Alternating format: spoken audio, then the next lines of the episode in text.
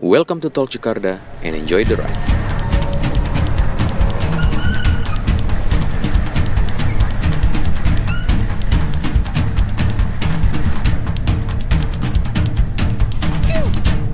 Halo, selamat datang di Talk Jakarta. Selamat datang di episode perdana kita, episode pertama Talk Jakarta. Di episode perdana ini kita bakal ngobrol sama orang yang punya brand yang berpengaruh nggak cuma di dunia sepeda doang nih, tapi juga di urban culture Indonesia atau bahkan dunia. We'll see, kita ngobrol-ngobrol ntar. Oke, sekarang udah ada Aldo, Aldio Plato, The Plato. Harusnya siapa sih gitu? Kok lu berubah sih? Begitu lu pencet record, perawakannya berubah. Kayak- Asik dong. Harus gitu kan? Tadi sebelum record ngobrol kayak santai gitu kan. Tiba-tiba keluar suara penyiar Owner dari Life Behind Bar behind bars. atau LBB atau LBB Jakarta. Sama ada Bani juga. Ada Bani dari LBB. Aldo ini sebenarnya gue kasih kehormatan buat ngisi episode pertama karena dia yang kenalin gue ke podcast sih sebenarnya. Jadi eh, dulu di 2015 itu eh, biasalah kita kalau bikin acara pasti semuanya terinvolve gitu ya. Nah kita Lima tahun yang lalu tuh ya. sekitar lima tahun yang lalu. Umur gue masih 20 tuh. Nah, gua berarti 19 ya di boleh. boleh, boleh. Jadi se- beres dari ngejuri itu tiba-tiba Aldo bilang udahlah bikin podcast aja itu 2015 dok.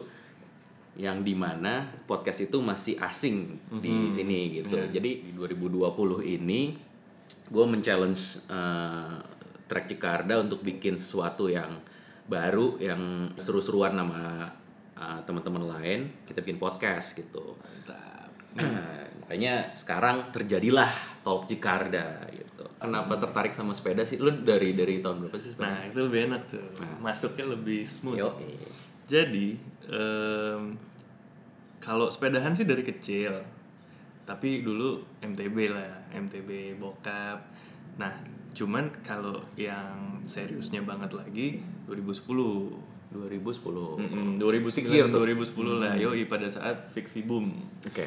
Fixie Boom Yo, di gue kalau di kalau internasional mungkin uh, earlier lah ya 2006 kali mulainya. Hmm. Fixie sih udah lama, cuman uh, Fixie Boom ini yang bener-bener kalau kalau dari definisi gue ya periode boom yang uh, hmm, umurnya mungkin mungkin kalau di Indo sih tiga tahun tuh. Kalau time frame hitungan gue nih 2010 sampai 2013 awal lah itu yang bener-bener gilanya banget Ya. peaknya tuh 2011 Setuju, setuju. Uh-uh, dengan adanya Fix Fest dan lain-lain. Fix Iya. Fest 2 itu dua tahun berturut-turut sih. Iya, 2010 2011 inget gue. Nah, em, jadi yang bener-bener intunya banget ya gara-gara Fix naik. Kebetulan dulu tuh uh, gue ngantor di di samping toko toko fiksi namanya Meka. Itu di Ah. di di Pampol. Iya. Eh sorry. Ja- Wijaya 9, nggak jauh lah dari Pampol. Birdcage ya dulu ya? Birdcage. Jadi nggak tahu nih pada Oh, sama siapa? Eh, Eh, Wesa. Wesa. Wesa. Eh, oke ternyata lu tahu. Dia salah satu orang yang ngeracunin gue juga tuh dulu. bener loh. Gue ngambil parts juga dari dia. Yoi. Sama dulu kan mereka nge- nge-rebranding hub dan Bener. mereka bi- bikin hub sendiri kan. bikin hub sendiri mereknya Meka M E C C A dia bikin crankset yang bentuknya mirip uh, Campy Strada Iya. bikin hub juga bikin bikin headset nggak ya ya jadi si apa ya bisa dibilang store manager slash part owner nama yang namanya Wesa ini twitternya at Wezaboy kalau lo mau cari kayak dia nggak punya Instagram deh pokoknya Facebook dia dia main Facebook. Oh, gue masih iya, suka oke, oke. suka message di Facebook. Mantap lah Boy, respect respect. Jadi Dari situ tuh? kurang lebih, maksudnya gue udah aware sama fixed gear, eh, udah sering lihat-lihat video. Cuman eh, pertama kali dapet temen-temen yang beneran gue bisa itu itu timelinenya Meka sama Velodrome tuh bisa dibilang bareng lah gitu. Iya, Jadi nah karena karena gue tiap hari nongkrongnya bareng anak-anak Meka eh, ya udah mereka kan di tokonya muter video Maka Frama, muter video Mesh, terus eh, makin yang tadinya cuman seneng doang akhirnya bikin gue. Karena eh, ada yang nge-guide anak-anak mereka ini si Wesa lah, si Komsta lah, Temi. Nah, gue pikir Itu 2011. 2010 awal sih seingat gue. Nah, em, Rocket udah ada. Ya, ya. Ya timing ini semua bener-bener si toko-toko ini nongolnya kayak bareng gitu loh. Ya. Nah, Iya, iya. em, karena gue pikir em, oh ternyata sepedahan bisa keren juga nih gitu kan karena ya pertama sih pada saat sepedahan kan kayak nge nge nge, nge refresh ke nostalgia lo pada saat sepedahan masa kecil kan. Kayak ada sense of freedom di situ. Nah di combine pas masa-masa kita lagi teenager yang yang pengen tampil gaya wah ini cocok nih kayaknya gitu kan. Maksudnya em, skate gue cuman terekspos sebentar doang dan apa ya gue ngerasa sepeda itu is a viable mode of transport. Terus kayak eh, estetik dari ini kalau ngomongin fixed gear ya walaupun sekarang ya gue jadi suka semua sepeda. Tapi entry drugnya itu emang si fixed gear ini karena estetik sepedanya clean udah gitu eh, gayanya bisa santai nggak harus yang serius-serius em, kompetitif banget. Terus em, apa ya mungkin Simple mungkin bisa dibilang affordable relatively affordable lah gitu Pada Maksudnya, saat itu. pada saat itu artinya lu cuman modal 3 sampai 5 juta pun bisa cuman ya mungkin frame-nya uh, frame repurpose Ya. frame-frame yang sebenarnya bukan track frame cuman di repurpose biar biar bisa bisa ya Kan pada saat itu yang penting sepedaannya. istilahnya Di DO. udah DO Nah, gitu. Udah di DO. jadi eh, apa ya definisinya itu eh, yang drop outnya itu Digantikan. dilas ulang supaya jadi track end padahal mah itu frame road bike sebenarnya Kayak Atau malah kadang ada yang gue start justru dari frame 27. iya frame 27 jadiin 700 atau 27 jadi single speed atau jadi fixed Dulu gear gitu. apalah itu geometri gitu kan yang penting sih. Yang penting warna-warni. yang penting Bahkan ukuran aja kita masih nggak tahu kan. Iya. exactly Kalau lu dari kapan, Ban? Em, kalau gua eh, sepedaan dari kecil sih sebenarnya.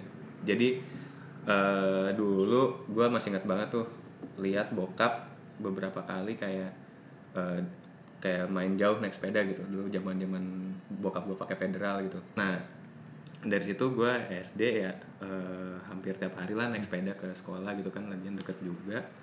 Nah, mulai seriusnya itu SMP, sekitar SMP kelas 2 kalau nggak salah. Itu 2009-an tuh. Itu. Nah, itu kan fiksi fiksi fiksi itu udah mulai ada sih, udah mulai lihat. Ya. Eh, by the way, gue dulu di Bandung dan gue udah mulai lah lihat. Cuma gue waktu itu masih pakai MTB kayak MTB kecil gitulah gitu. Nah, diajakin sepedaan sama guru SMP gue Oh. kayak eh, mulai di Bandung kan dulu orang ya sampai sekarang juga sih nah eh, orang sepedaan tuh pasti nanjak ke Dago Pakar tuh Ya, ya, ya. nah ya. mulai belajar nanjak ke Dago Pakar gitu kan lewat Cigadung segala macam gitu itu SMP nah pas zaman fiksi boom tadi 2010 gua kena juga Ah. nah DO juga tuh. Nah, Kena DO juga tuh. dulu gue inget tuh bikinnya sama anak kosan tuh jadi lihat di kaskus kan zaman zaman kaskus eh, jasa custom fiksi gitu 1,7 juta doang tuh. Terus terus eh, yang penting yang penting kan dulu warna, Warna, terus warna-warni. ya, ya warna-warni kan yang penting yang gue penting gaya. yang penting gaya. Pokoknya gue nggak munafik lah pokoknya iya kan? motivasi utama mah gaya Iya, iya, sampai sekarang Umur- juga iya. Kayaknya ya sekarang sih udah ngerti geometri Iya. udah ngerti fitting yang baik dan benar udah udah ngerti ya seluk Iya, beluknya iya, lah. seluk-beluk.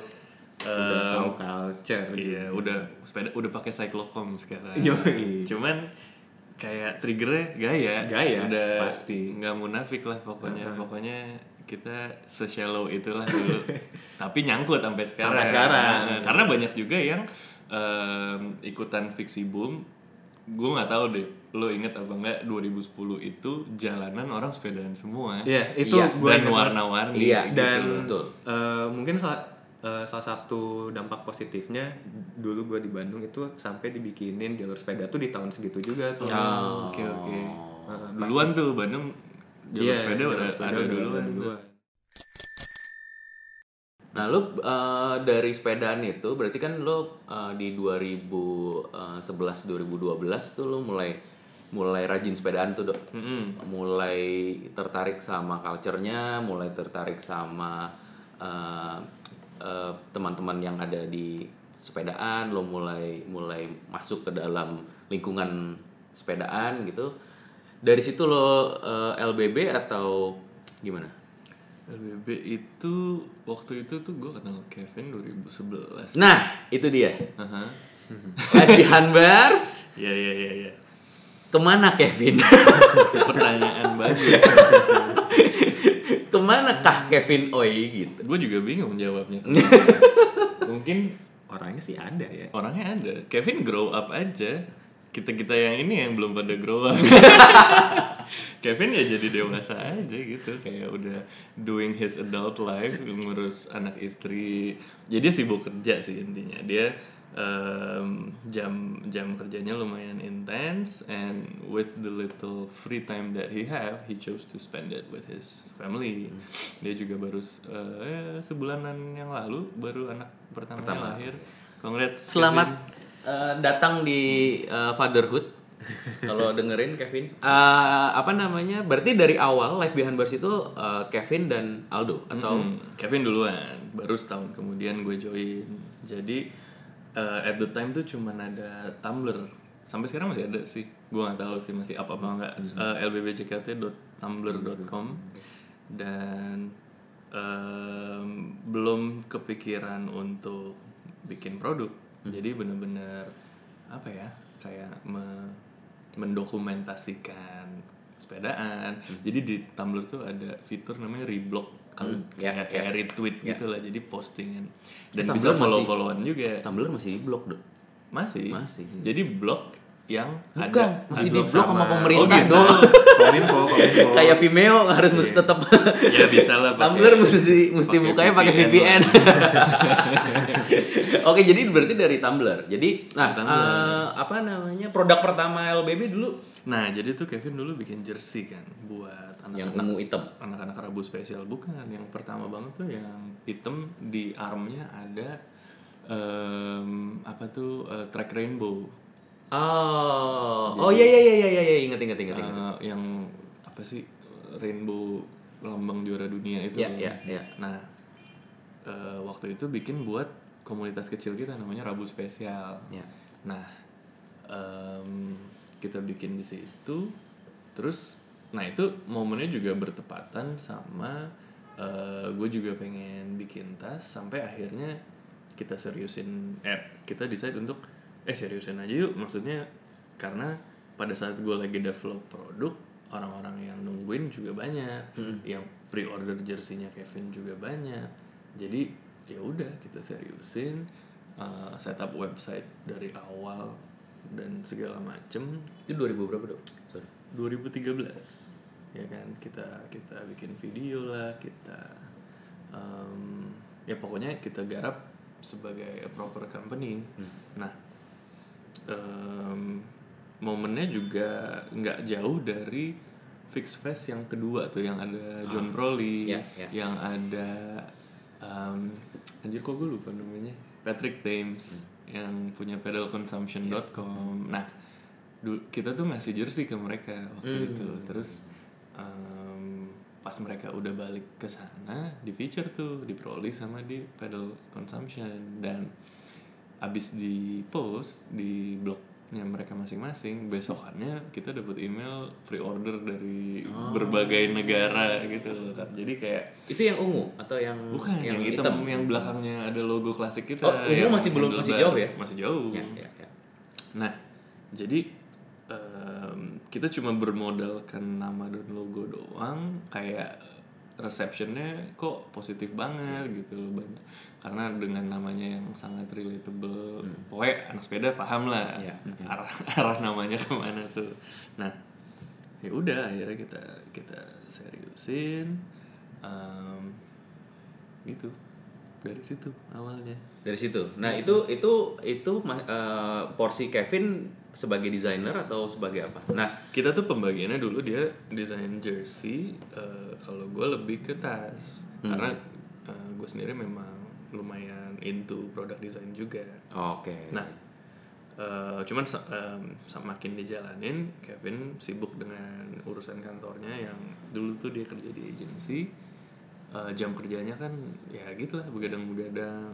Nah, akhirnya dia juga nggak banyak tuh ngeluarin jersey sampai akhirnya wah, pokoknya lama kelamaan kita lebih dikenal dengan tasnya Iya. karena karena jersinya em, bisa dibilang belum ngeluarin banyak yang desain baru lagi Iya, iya. gitu. Walaupun sih pengennya sih tahun ini kita mulai nge- ngidupin jersinya lagi sih. Oh, nah si eh, Kevin memutuskan cabut di 2000 2014 2014 karena akun LBB JKT itu ya Kevin. itu lawan pribadi. Iya makanya. Makanya gue gua begitu eh, apa tahu Kevin udah nggak di LBB kayak loh LBB JKT bukannya sama dengan Kevin gitu. Makanya ket- keluarlah pertanyaan itu ke mana Kevin? gitu. Jadi udah terjawab nih ya berarti Kevin memutuskan cabut karena memang udah nggak ada waktu di LBB gitu ya. Dan dan LBB per 2014 lo handle sendiri sampai sekarang? Eh, sendiri lah. Gue sempet sempet kayak 5 sampai enam bulanan sendiri sampai akhirnya eh, waktu itu gue hire LBB number one namanya Adia Ah. shout out Adia Maulana yang sekarang lagi galau di Bali terenyuh Eternyu Ya, terenyuh. nah em, ya tapi Kevin masih sering bantu-bantu kita sih kayak kayak kalau bikin konten bikin foto dia masih sering bantu-bantu kita. Pastilah, pasti LBB selalu ada di hati Kevin lah. Nggak mungkin enggak lah. LBB anak dia pertama kan sebelum sebelum anak dia yang asli lahir. malah kalau bisa dia pengen return nih cuman jadwalnya masih belum memungkinkan Ayo Kevin balik. Kevin return dong udah, sempat ada omongan Nah, Cuma ditunggu kembalinya Kevin. Eh, apa LBB itu kan gue eh, dan kalian sendiri state kalau ini tuh produk yang tactical gitu. Kenapa Technical technical? sih Technical. sebenarnya. Kenapa kenapa technical? Em, jadi technical di sini sebenarnya untuk mengemphasize kalau eh, tas kita itu feature-nya banyak Hmm. Em, cuman kita ngedesainnya in a way supaya looknya itu nggak kompleks jadi dia itu kita nge- ngedesain produk gimana caranya supaya looknya bisa timeless em, tapi eh, tetap feature rich. Jadi feature-featurenya em, jadi kita bukan technical for technical sake. Jadi nggak yang eh, nggak yang oh kita tambahin ini tambahin ini biar rame gitu loh. Jadi eh, ini ini agak mix up sama techwear yang sekarang lagi ngetren karena kalau techwear kan memang memang estetiknya yang maksimalis gitu Iya, kan yang iya, rame gitu. Iya. nah kalau kita sebenarnya arahnya nggak ke situ lebih ke eh, ini desain filosofinya Johnny Ive yang dia sempat bilang eh, if if it doesn't have a function it shouldn't be there. Itu satu. Oh enggak itu itu di termsnya Brown. Eh, kalau Johnny Ive lebih lebih bilang pada saat sebuah fungsi lagi nggak dipakai jangan kelihatan. Oke. kayak gitu. Jadi kayak em, kayak misalnya strap-strap yang yang buat external carry-nya. Kalau kita lagi nggak pakai kita ada slot buat ngumpetin Ah. either itu atau digulung lah atau pokoknya em, jadi walaupun fiturnya banyak tapi gue nggak mau looknya tuh heboh nggak mau looknya rame. Gue pengen dia masih kelihatan sleek masih masih oke untuk kayak lo settingan uh, formal kayak nggak nggak aneh-aneh banget nggak nggak nggak. Jadi soalnya kalau kata-kata tactical itu kan lebih dekat ke military Iya, Mm-mm. iya, iya. jadi gue nggak mau itu terlihat seperti ke, ke arah military nggak mau ke arah uh, mountaineering juga Iya. jadi looknya masih pretty much urban tapi dengan ngambil fitur-fitur uh, military dan fitur-fitur uh, mountaineering yang uh, masih relevan di- dalam konteks urban jadi Hmm. fitur-fitur yang oh orang perkotaan juga masih bisa pakai nih Iya. gitu Um, particularly untuk untuk urusan bawa barang-barang ekstra banyak sih. Dan nah itu masuk dengan kultur messenger yang kebetulan ya udah nih nyampur semua nih sepedahan messenger carry carry culture.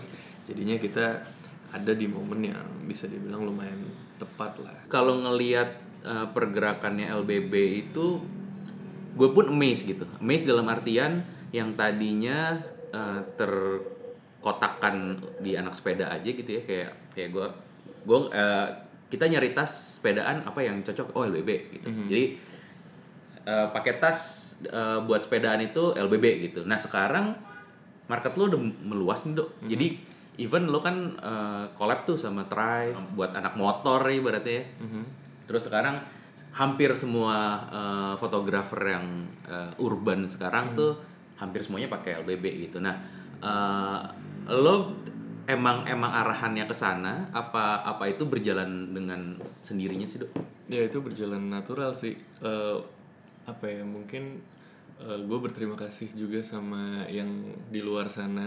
Eh, apa ya kalau mau dikasih if you if I wanna name names itu ada Chrome Industries, Ya. ada Mission Workshop. itu inspirasi lo atau dia Nggak dalam konteks ini dia itu ngebukain jalan. oh oke Artinya eh, secara brand communication kita nggak harus em, apa namanya nggak harus mengkomunikasikan brand kita itu sebagai sebagai Brand anak sepeda. brand general. Betul, ya.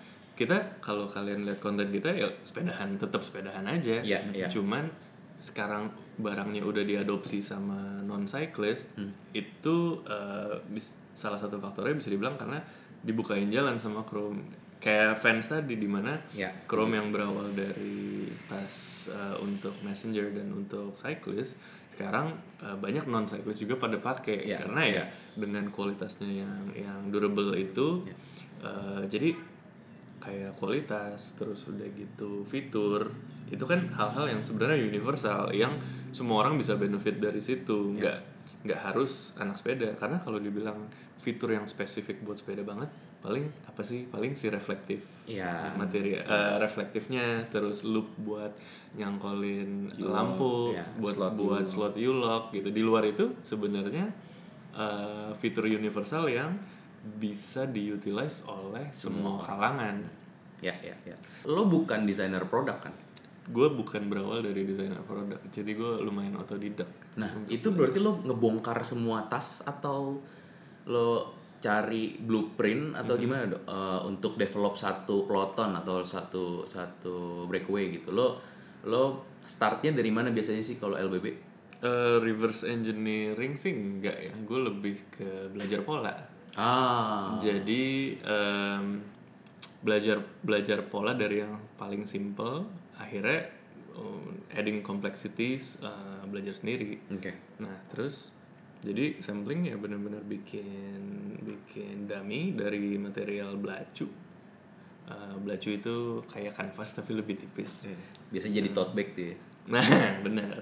jadi uh, apa namanya em, gampang jahitnya. Ah, Uh, karena baru lo nentuin bahan setelah Iya. itu baru nentuin kompartemen gitu exactly. oke Jadi em, karena gue lumayan hands on dan lumayan BM, jadi kalau misalnya nggak dari proses awal ngerjain sendiri itu agak gatel gitu dan apa ya pasti hasilnya jadi nggak maksimal kalau misalnya langsung lempar ke orang. Jadi jadi development stage pasti gue kerjain sendiri.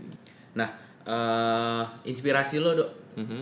eh, baik di dal- di di dunia eh, tas atau sepeda siapa aja sih Kalau yang kalau branding, kalau spesifik dari dunia tas itu uh, T-level Ah. dari Korea sama Mission Workshop. Mission Workshop Nah, um, cuman kalau di luar itu uh, salah satu inspirasi kita tuh Pia Cycles. Asik. Yeah. Mereka itu kalau dibilang go internasional, kalau dalam konteks brand sepeda ya, yang uh, yang pertama kali go internasional tuh. Iya. Dan kebetulan gue deket juga sama Andira. Um, dia juga mengencourage kita untuk uh, nembus si market global. Iya. Jadi kayaknya kalau nggak salah, uh, jadi ngomong-ngomong dulu kita ngasih jersey ke Proli dan Patrick, itu kayaknya yang kenalin tuh Andira, hmm yang ngebukain jalan. ya ya ya Shout out buat Andira. Kita nggak bisa di sini tanpa Andira. Asik. Yeah. Tapi ntar bakal kita undang juga loh biasanya Oh iya harus, harus, Harus, wajib. harus. Em, jadi em, gue inget banget tuh kayak Pias itu sempat jualan eh, buk apa customer Pias tuh ada yang di Jerman lah ada yang di US dan itu jadi jadi motivasi buat kita untuk em, wah bisa, Bisa nih ternyata ya. gitu kan. Kayak brand lokal uh, compete on the world stage. Ya. jadi itu uh, inspiring banget buat kita. Eh, tanggapan lu soal ini kan eh, technical bags tiba-tiba rame nih. Ada brand inilah ada brand itulah ada yang ada yang brand sampai jualnya bisa puluhan ribu belasan ribu kan ada tuh. Kita nggak nggak usah sebut nama lah ya gitu. Tapi tapi eh, itu itu anda jago eh, juga ya? Penyiar ya? Apa mantan penyiar? Lo tanggapan lo gimana? Itu uh, justru justru threat buat uh, LBB atau justru lo ini yang gua gua gua butuhin nih untuk untuk LBB lebih lebih jalan gitu. Hmm, jawaban diplomatis gue sih, Cie. Kalau yang yang high end, eh, kita seneng. Karena ada yang memicu kita untuk eh, Gua bisa apa lagi nih nggak mau kalah dari segi kualitas, Iya, iya. gitu loh. Dan em, ini juga naikin raising the bar untuk dari price point. Karena em, lima tahun yang lalu deh. Kayak kayak apparel yang yang yang di atas sejuta tuh buat orang ag- ap- apalagi brand lokal agak susah diaccept. Betul. Gitu loh. padahal kalau misalnya orang tahu em, komponen yang yang yang in- yang kita pakai eh, harga yang kita offer itu sebenarnya sangat affordable. Iya. gitu loh. Nah dengan ada dengan di Indonesia juga mulai ada brand yang yang lebih ngejar kualitas dibandingin kuantitas eh, kita kita happy. Karena em, pertama memacu eh, karena yang namanya kompetisi itu harusnya jadi jadi memacu kualitas. Yang diuntungkan pokoknya customer lah. Jadi em, apa namanya eh, dengan persaing dengan adanya persaingan service dan kualitas itu meningkat. Terus eh, particularly tentang harga orang yang tadinya eh, apa ya threshold harganya pada naik nih yang Ah. yang tadinya ngira kayak barang satu setengah juta untuk sebuah backpack itu absurdly expensive Iya, iya. sekarang bilang sense, biasa aja sense, karena eh, karena orang sudah mulai terekspos terhadap barang-barang berkualitas baik eh, baik itu yang luar maupun yang lokal. Oke. Nah, jadi eh, from that point of view sebenarnya positif. Ya. Gitu. nah eh, balik ke soal eh, inspiration Andira dengan atau Pias dengan go internasionalnya gitu ya. Eh, achievement lo tuh kalau lokal ya buat gue ya ngelihat nggak nggak perlu lo sebutin juga buat gue ngelihat LBB dipakai eh, orang di luar cyclist aja tuh menurut gue itu udah achievement yang yang hebat dari LBB gitu. Nah eh, ada nggak sih achievement lo dari yang dari luar yang yang kita nih mungkin belum belum banyak yang tahu gitu. Eh, LBB tuh udah udah sampai mana udah udah eh, dapat apa aja nih di luar? Hmm, sebenarnya kalau achievement yang berupa apa ya berupa award gitu paling cuman Carryology uh, nominations aja sih oke kita ada tiga produk kita yang udah masuk Carryology nomination buat yang nggak tahu itu Carryology.com adalah website yang review semua tas dari seluruh dunia mengcompile- bagaimana sih Ah, iya bisa dibilang Iya kan? Simpelnya gitu ya. kayak sneaker flicker tapi Ah, tas. tapi tapi untuk carry produk, Carry produk. atau tas dompet gitu-gitu nah mungkin anak sepeda pada tahu Sheldon Brown ya ya Sheldon Brown tuh kitabnya an- eh, Iya, sepeda sepeda. nah ini tuh ya kayak Sheldon Brown Tapi di dunia tapi di per dunia carry-an. per carry-an. Oke. dan dia tiap tahun tuh bikin bikin dan award. LBB pernah masuk tuh kita pernah masuk situ dan itu Dari lumayan disandingkan 20 eh 10 Eh, nominasi per tahunnya sih kayaknya 5 sampai 8. Wow. K- kategorinya ada beberapa. Cuman di dalam per kategori itu kadang ada 5 sampai 8 brand. Terus dan itu dari dari seluruh dunia. Em, ya kita cukup happy lah dengan achievement itu. Cuman kayak bahwa barang kita juga udah nyampe ke ber, apa berbagai penjuru dunia juga kita kita happy ada orang Tesla ada ada orangnya monocle Ah. gue juga aware karena gue ngeliat emailnya mereka kan Iya, iya. emailnya tuh at company-nya masing-masing gitu lah kebetulan mereka wak- waktu order pakai Canggih ya bisa jual, email bisa kantor. jajan pakai pakai email kantor. Lumayan. Nggak punya email pribadi Eh, lo pernah posting gitu ya yang Mm-hmm. yang lo ketemu randomly di lo lagi waktu ke New York ke New York. New York. Oh itu lumayan lumayan highlight juga tuh buat gue personally ya. Iya. Pada saat gue lagi sepedahan, gue inget banget posisinya tuh dekat Manhattan Bridge. Eh, lagi riding gue ngeliat dari kejauhan ada orang pakai peloton aspal salah satu produk eh, flagship kita. Terus yang collab sama Tribe sama ya. Thrive. Ya udah, gue lagi sepedahan, dia lagi sepedahan. Untungnya nggak kenceng-kenceng banget, jadi gue kejar Hmm. sampai ngelawan arah ngelawan arah gitu. Karena kayak anjir ini Harus gua kejar nih. harus gue kejar karena kayak gue pengen ngobrol aja. Iya, maksudnya uh, kalau maksudnya gini, kalau ngobrol sama customer via email tuh sering. Iya. Cuman ini ini ketemu nih sama Iya, orangnya iya. pas yang lagi lo luar bener-bener nggak kenal, gitu. Lo nggak bener-bener kenal nggak tahu. gue lupa lagi namanya Eh ya udah gue kejar gue gue sebelah sebelahan gitu gue ajak ngobrol hmm, pertama gue tanya tanya eh eh, lu suka nggak sama tas ini oh gila gue suka banget terus kayak eh bilang apa lagi ya Eh, kayak would you recommend this to your friends? Yeah I would recommend this to my friends terus udah gitu. Kayak eh lu mau tahu nggak? Kayak kayak ini tuh ya gitulah pokoknya. Ini saya salah satu yang punya ini loh. Oh yang bener loh. Eh berhenti dulu berhenti. Udah, akhirnya kita kita berhenti ngobrol-ngobrol foto-foto terus tukeran kontak. Eh, dia tuh pekerja teater di Brooklyn Emang daily daily daily commute pakai sepeda. dan dia sering travel jadi Oh. dia bawa sering bawa alat-alat teater yang lumayan gede-gede jadi uh, feature external carry-nya kepake banget buat dia Oh. Mhm. terus ya udah besoknya gua nggak ada nggak ada nggak ada itinerary Ya. gue main ke kantornya dia ngobrol-ngobrol lagi kayak ya udah se emang sesantai itu aja Itu itu eh, achievement pribadi lo paling tinggi tuh ya. Maksudnya Lumayan, lo- lo maksudnya- nggak kenal terus other side of the world gitu. Iya, Barangnya nyampe lo dari tangan lo sendiri gitu kan. lumayan itu lumayan apa ya em, highlight eh, salah satu highlight di hidup pada saat nanti tua looking back Ya sih. Terus planning lo eh, diapain nih LBB, Dok? 2020 ke depan. nah tadi kan lu bring up sedikit tentang banyak fotografer yang pakai tas Iya. LBB padahal bukan tas kamera Iya. nah di tahun ini kita bakal ngeluarin yang beneran tas kamera Nah, good news tuh ya buat buat fotografer di luaran sana yang cyclist atau non cyclist. ataupun non cyclist itu LBB bakal provide kalian dengan produk uh, life behind life behind lens dong nih. Jadinya uh, itu ya. Jadi uh, buat yang nggak tahu LBB itu juga ada flagship uh, store.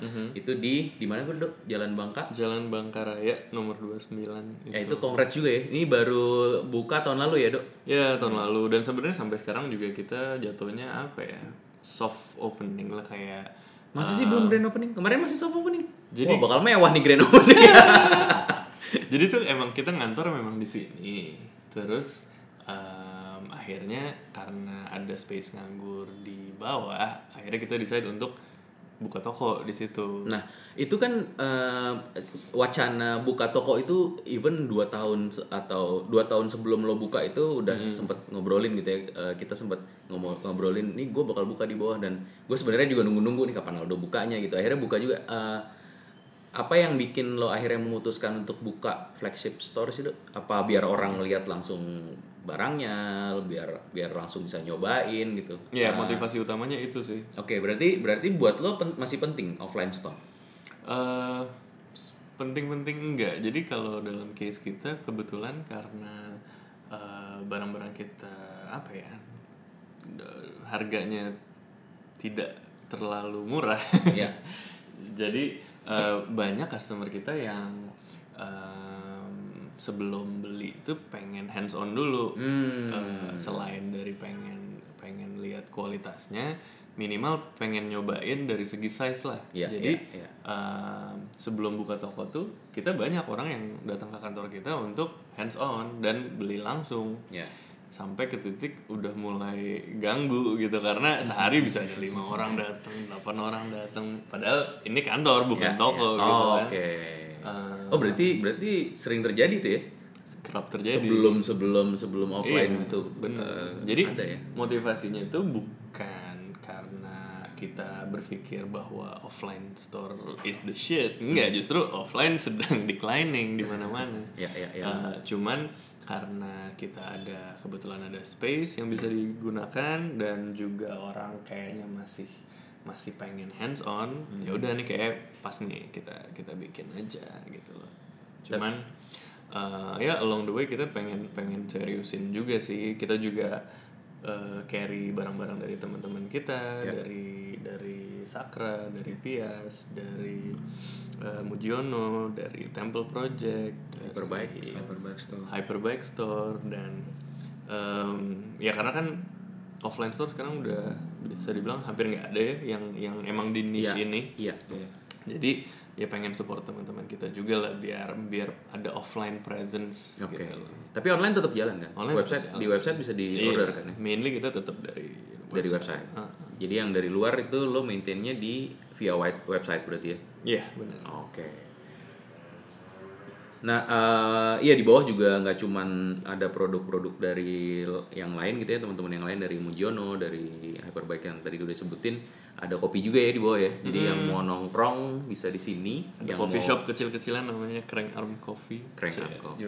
Jadi Ada- kalau ada yang lagi bepergian terus serasa ngantuk bisa pit stop dulu di Bangka, ngopi dulu, ngobrol-ngobrol. Kalau yang Terus suka lagi. kopi susu eh, gula aren ada Fausta Kopi. Yoi. Ada juga yang fresh fresh juga ada Greg Lemon ya. Ada signature menu kita namanya Greg Lemon. Nah, lu Itu. mesti cobain tuh. Mm-mm. Lu mesti cobain tuh. Selain buat jualan barang kita, untuk jadi tempat nongkrong anak-anak juga. Kalau misalnya mau Tapi nggak ada bengkel nih di sini. Eh, belum ada space-nya Tapi soalnya nggak cukup. Oh, tapi lo consider ada bengkel nggak? Bengkel tuh kadang-kadang yang yang yang bikin rame itu kadang-kadang bengkel Iya, sih. Kalau gue sih eh, minimal kepikiran buat si Adi tuh Adi Utomo, Hmm. dia kan eh, punya service bengkel mobile, bengkel berjalan Ah. Mm-mm, untuk kayak gue taruh bike stand, stand dan dan tools tools di depan, terus ya udah buat jadi jadi space semi permanennya Adi gitu. Hmm. Karena kalau yang bengkel proper banget, space-nya nggak cukup. Jadi ya mungkin Adi kalau denger Anda tertarik boleh. Udah dikasih space lo. iya, Tinggal jalanin. bener. Nah, em, istimewanya bersepeda di Jakarta menurut lo apa sih dok? Sebenarnya sepedaan di Jakarta tuh kan nggak nggak kondusif banget ya. Mhm. Cuman Nggak kondusif.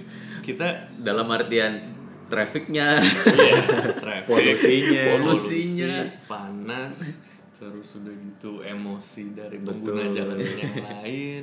Jadi bener-bener eh, apa ya? Against all odds. Nah, itu jadi mantranya Life Behind Bar dari awal ya, Against All Iya. Odds ya. Jadi gue sama Kevin tuh ngerasain kayak eh, walaupun dengan segala kecatan tangan yang barusan kita sebutin itu kok masih masih seru ya? Maksudnya kayak masih tetep tetep tetep fun kayak apa istilahnya manfaatnya masih tetap lebih banyak dari mudaratnya. Jadi kayak em, ya nongol lah against all odds tuh dari dari situ. Artinya walaupun eh, tantangannya besar kayak sepedaan tuh saking menyenangkannya even di tempat yang paling tidak kondusif pun kayak menurut kita tuh masih menyenangkan. Tuh. Nah, culture sepeda di Jakarta menurut lo sekarang seberubah apa sih, Dok?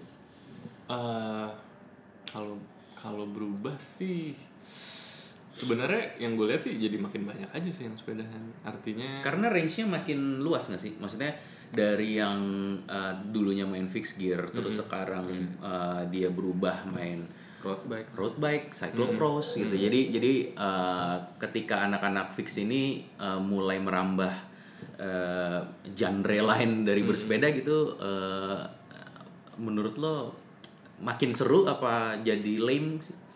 Eh, makin seru sih karena kalau dari gue pribadi yang yang tadi eh, fiksi cuman sebagai entry drug sekarang juga jadi eh, ada road bike ada sekarang kemarin nih gara-gara abis outing ke kemarin kemarin ke ke Pangalengan Pangalengan yang jalannya hancur-hancuran gue sekarang lagi bikin gravel.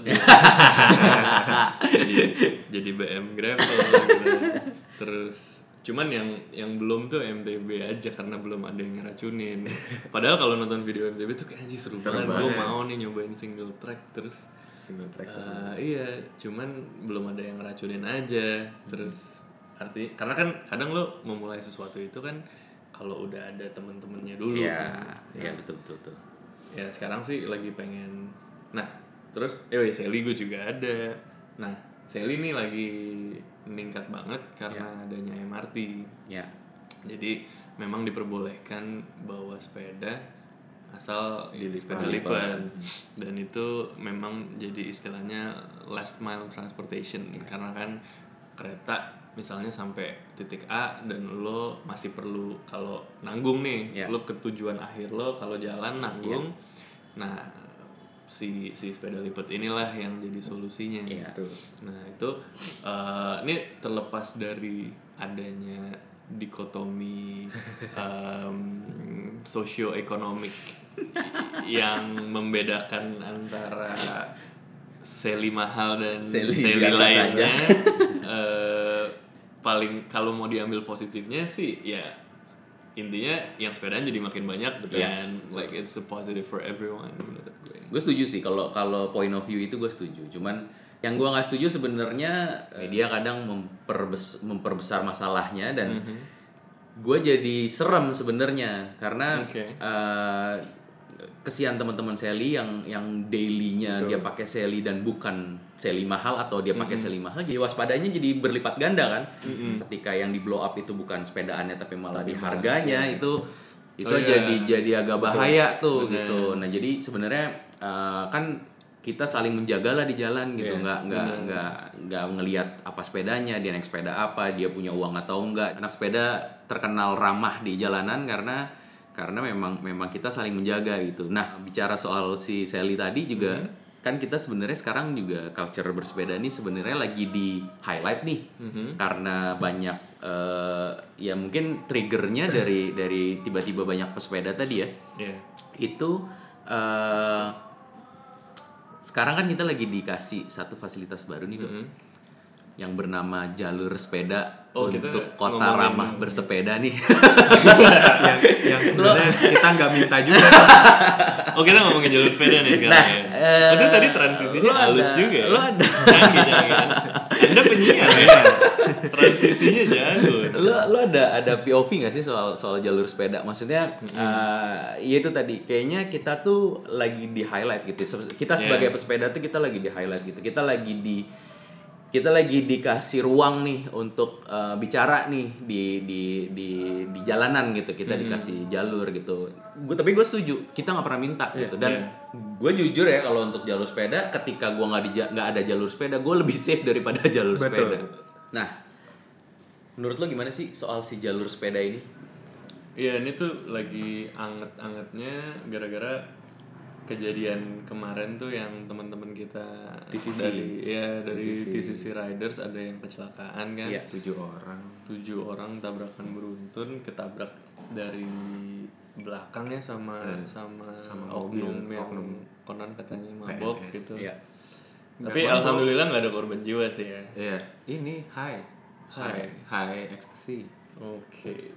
Nah, gara-gara itu kan dipost di beberapa eh, media, Media. sosialnya dari media-media besar. Iya. Nah, udah tuh jadi rame dan taken out of context karena Iya. malah banget Iya, malah jadi ngobrolin Harga sepeda lah. ya itu udah udah bahkan udah out of topic gitu Iya. kan Eh, cuman kalau dari yang gue baca-baca walaupun gue baca cuma dikit ya tapi eh, yang jadi perdebatan itu eh, banyak non cyclist yang berpendapat bahwa kan udah disediain jalur sepeda kenapa kalian nggak sepedahan di situ? Ya.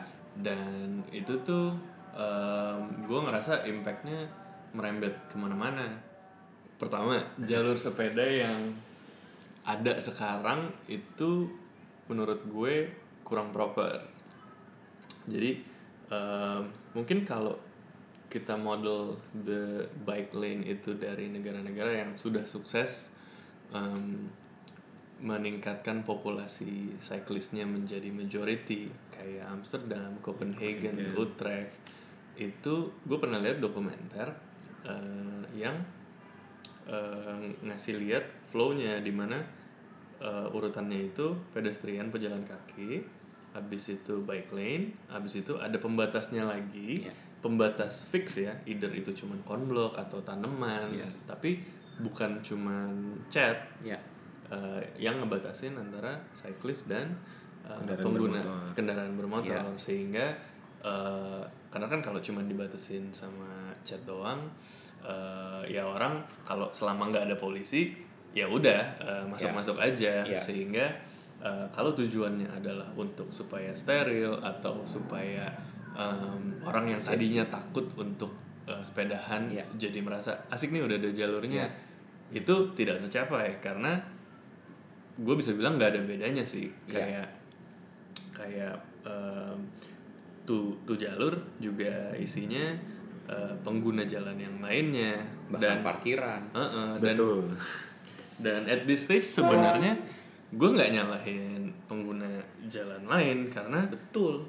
Kon- kondisinya emang udah udah chaos aja udah udah sempit. Iya. jadi gue cuma melihat ini sebagai attempt yang half ass gitu. Iya. kayak eh, kalau opini gue pribadi ini tidak mewakili opini Seluruh semua cyclist. ataupun even semua anak LBB ini cuman opini pribadi gue gue malah prefer nggak ada. Nggak ada eh, bike lane. Gue juga. Mm-mm, karena kalau ngelihat komen-komen si eh, kasus-kasus itu Ya. eh, malah Menyalahkan. iya kalau kalau kalau kalau gue dan beberapa teman lainnya se- pesepeda yang kadang-kadang naik mobil juga Iya. eh, kita punya pandangan netral kita nggak radikal Iya. tentang one or the other Betul. kayak eh, ya udah sama-sama pakai sih Iya. toleran Mhm, aja gitu loh cuman banyak pandangan-pandangan yang polarizing kayak yang yang yang hardcore cyclist eh, marah-marah ya Pengguna motor yang nggak pernah sepedaan. juga marah-marah. Iya. Jadi mereka kayak punya polarizing um, um, pandangannya masing-masing. Iya. Kayak di satu sisi kayak uh, ya kan jalur sepedanya dipakai mobil, terus kayak coba aja mas sepedahan kalau misalnya. Iya. Uh, Jadi debat kusir. Iya, Iya, jadi debat betul. kusir. Terus udah gitu uh, di sisi lain kan udah ada jalurnya. Kalau misalnya lu udah ada jalur tapi malah sepeda di luar jalur, ya halau dong kalau ditabrak. Jadi sampai se ekstrim itu, Yes. ya karena nggak face to face juga. Jadi mereka ngerasa ngomong hal-hal yang kayak gitu tuh jadi Lumrah. lumrah. Nah, yang gua takutkan sebenarnya dengan adanya jalur sepeda, malah jadi em, apa ya? Kita nih kalau sepedahan di luar jalur sepeda malah menjadi bahan agresi dari pengguna jalan lain yang ekstrim-ekstrim ini. Ya. Memang nggak semua gitu loh. Jadi kayak em, yang tadinya eh, biasa-biasa aja Ya. maksudnya di kondisi traffic yang gila gini kan orang orang tuh banyak yang stres ya Iya. jadi kayak gue pun pernah mengalami agresi gue nggak tahu kayak Bani juga pernah Gua di, pernah. dipepet-pepet sama Iya. motor dua kali. kebetulan lagi riding di luar jalur sepeda di jalanan yang ada, Ada jalur, jalur sepedanya gitu nah itu sebelumnya nggak terjadi Iya. unless lo emang ribut gitu Iya. kan ini lo lagi sepedaan santai-santai aja tapi di luar jalur sepeda terus di dipepet sama sama motor gitu Padahal tuh gue mau nyebrang loh di itu loh Sarina kan jalur sepeda di kiri. Nah, Gue mau ke kanan ke arah yang McD itu loh. Eh Sabang. Iya. Ya, yang mau ke Sabang itu. Mau nyebrang doang padahal gitu. Dia dipepet dan dibilangin, "Mas, itu kan udah jalurnya." gitu. Ya mungkin yang tadi Aldo bilang juga kayak ya banyak orang stres yang eh, ketika ada jalur sepeda ini jadi di, di justify karena seolah-olah ada benar dan salahnya gitu loh kayak sepeda itu yang benar jalur sepeda kalau di, luar jalur sepeda salah ditambah lagi dengan notabene di Indonesia yang kesenjangan sosialnya masih cukup tinggi gitu kan Iya, conversationnya jadi geser ke Geser ke arah- em, kesenjangan sosial. Betul. Jadi kayak mentang-mentang sepeda mahal, eh, kelakuan, Kelakuan sombong, di sombong jalan seenaknya. Ya, mungkin ada, tapi kan- iya, iya. mungkin ada oknum yang kayak gitu. Cuman eh, general konsensusnya tuh jadi jadi ke mana-mana ya iya. dan eh, bener sih ketika nggak ada jalur sepeda orang lebih respect sama cyclist gitu. Iya. maksudnya orang jadi aware sama cyclist karena merasa jalannya barengan Iya, karena kita di dengan- jalur yang sama Betul. gitu dengan jalur yang tidak steril kita dapat benefitnya kagak malah sekarang eh, motoris malah lebih agresif Lebih ke agresif. kita iya betul nah sayangnya ini ini kemarin gue ngelihat apa di sub kalau nggak salah itu eh, sempat diskusi soal jalur sepeda ini dan dia punya data tingkat kecelakaan eh, pesepeda itu menurun semenjak ada jalur sepeda. Oke. Nah, sebenarnya kecelakaan itu kan tidak pernah pasti ya. Maksudnya iya. tingkat kecelakaan itu tidak bisa jadi patokan karena karena eh, menurut gue ya mungkin eh, dia kecelakaannya tidak di jalur sepeda atau dia dia bukan di area yang bu- bular dan, Iya. dan semakin banyak atau semakin dikitnya tingkat kecelakaan itu buat gue bukan karena jalurnya tapi karena karena yang nabrak atau karena eh, pengguna jalan lain gitu. Karena eh, menurut gue eh, dibikinnya jalur sepeda itu bukan untuk mengurangi eh, tingkat kecelakaan tapi justru harusnya menambah pesepeda gitu karena switching orang dari Ya, eh, kendaraan mobil atau kendaraan bermotor ke sepeda. sepeda. Kan sebenarnya kan harusnya goalsnya itu bukan bukan tingkat kecelakaannya menurun karena kita siapa yang mau celaka di Bener. jalanan lo naik mobil aja nggak mau nggak mau nggak mau kecelakaan gitu kan ibaratnya kan gitu. Terima kasih banyak teman-teman live behind bars Terima ini kasih, sudah Dis. sudah menjadi kehormatan kak kita mengundang kalian di episode pertama dari Talk Jakarta. Mantap. Semoga sukses selalu. Ya, semoga Keren terus berlanjut. Eh, buat kalian kira-kira siapa nih yang mesti gue ajak ngobrol lagi nextnya nih? waduh banyak banget lah. Fixietas eh, pasti kali. PS Cycles anjir siapa lagi Cycling in Second Frame frame. Cycling in frame, cycling in frame kenapa tiba-tiba jadi jadi mencuat nih ya? Ini harus harus dipertanyakan nih, kenapa tiba-tiba mencuat? Apa karena mungkin karena baru resign jadi banyak apa karena kontennya jadi rajin Jadi jadinya waktunya ya? banyak buat bikin banyak. Oke, buat teman-teman yang dengerin uh, podcast ini punya saran buat kita, kira-kira siapa aja yang cocok buat kita ajak ngobrol? Kalau dari uh, live, uh, Live Behind Bars bilang Pias, bilang Oh, Fixietas. ini Mas Gary Rezaldi. Oh, seniman, Seniman handal masa kini ya. handal. Itu bisa cek juga Instagram @trackcikarda terus komen ke komen di situ nanti sebutin aja si ini dong Mas, si itu si itu dong Mas gitu. Banyak yang minta eh, Jimmy Multazam nih. Nanti Oh. nanti coba kita kita kita ajak pokoknya ngobrol juga. artis-artis Oh, oh, yang iya. Hijrah dari mobil ke sepeda itu wajib Wajib. wajib, di interview juga Mbak Nirina Zubir. Oh iya, Mas itu Dagi. suami istri bersepeda Iya, ya. Mas Itu menarik, menarik, menarik, menarik. So, see you on the next episode of Talk Jakarta. Stay safe.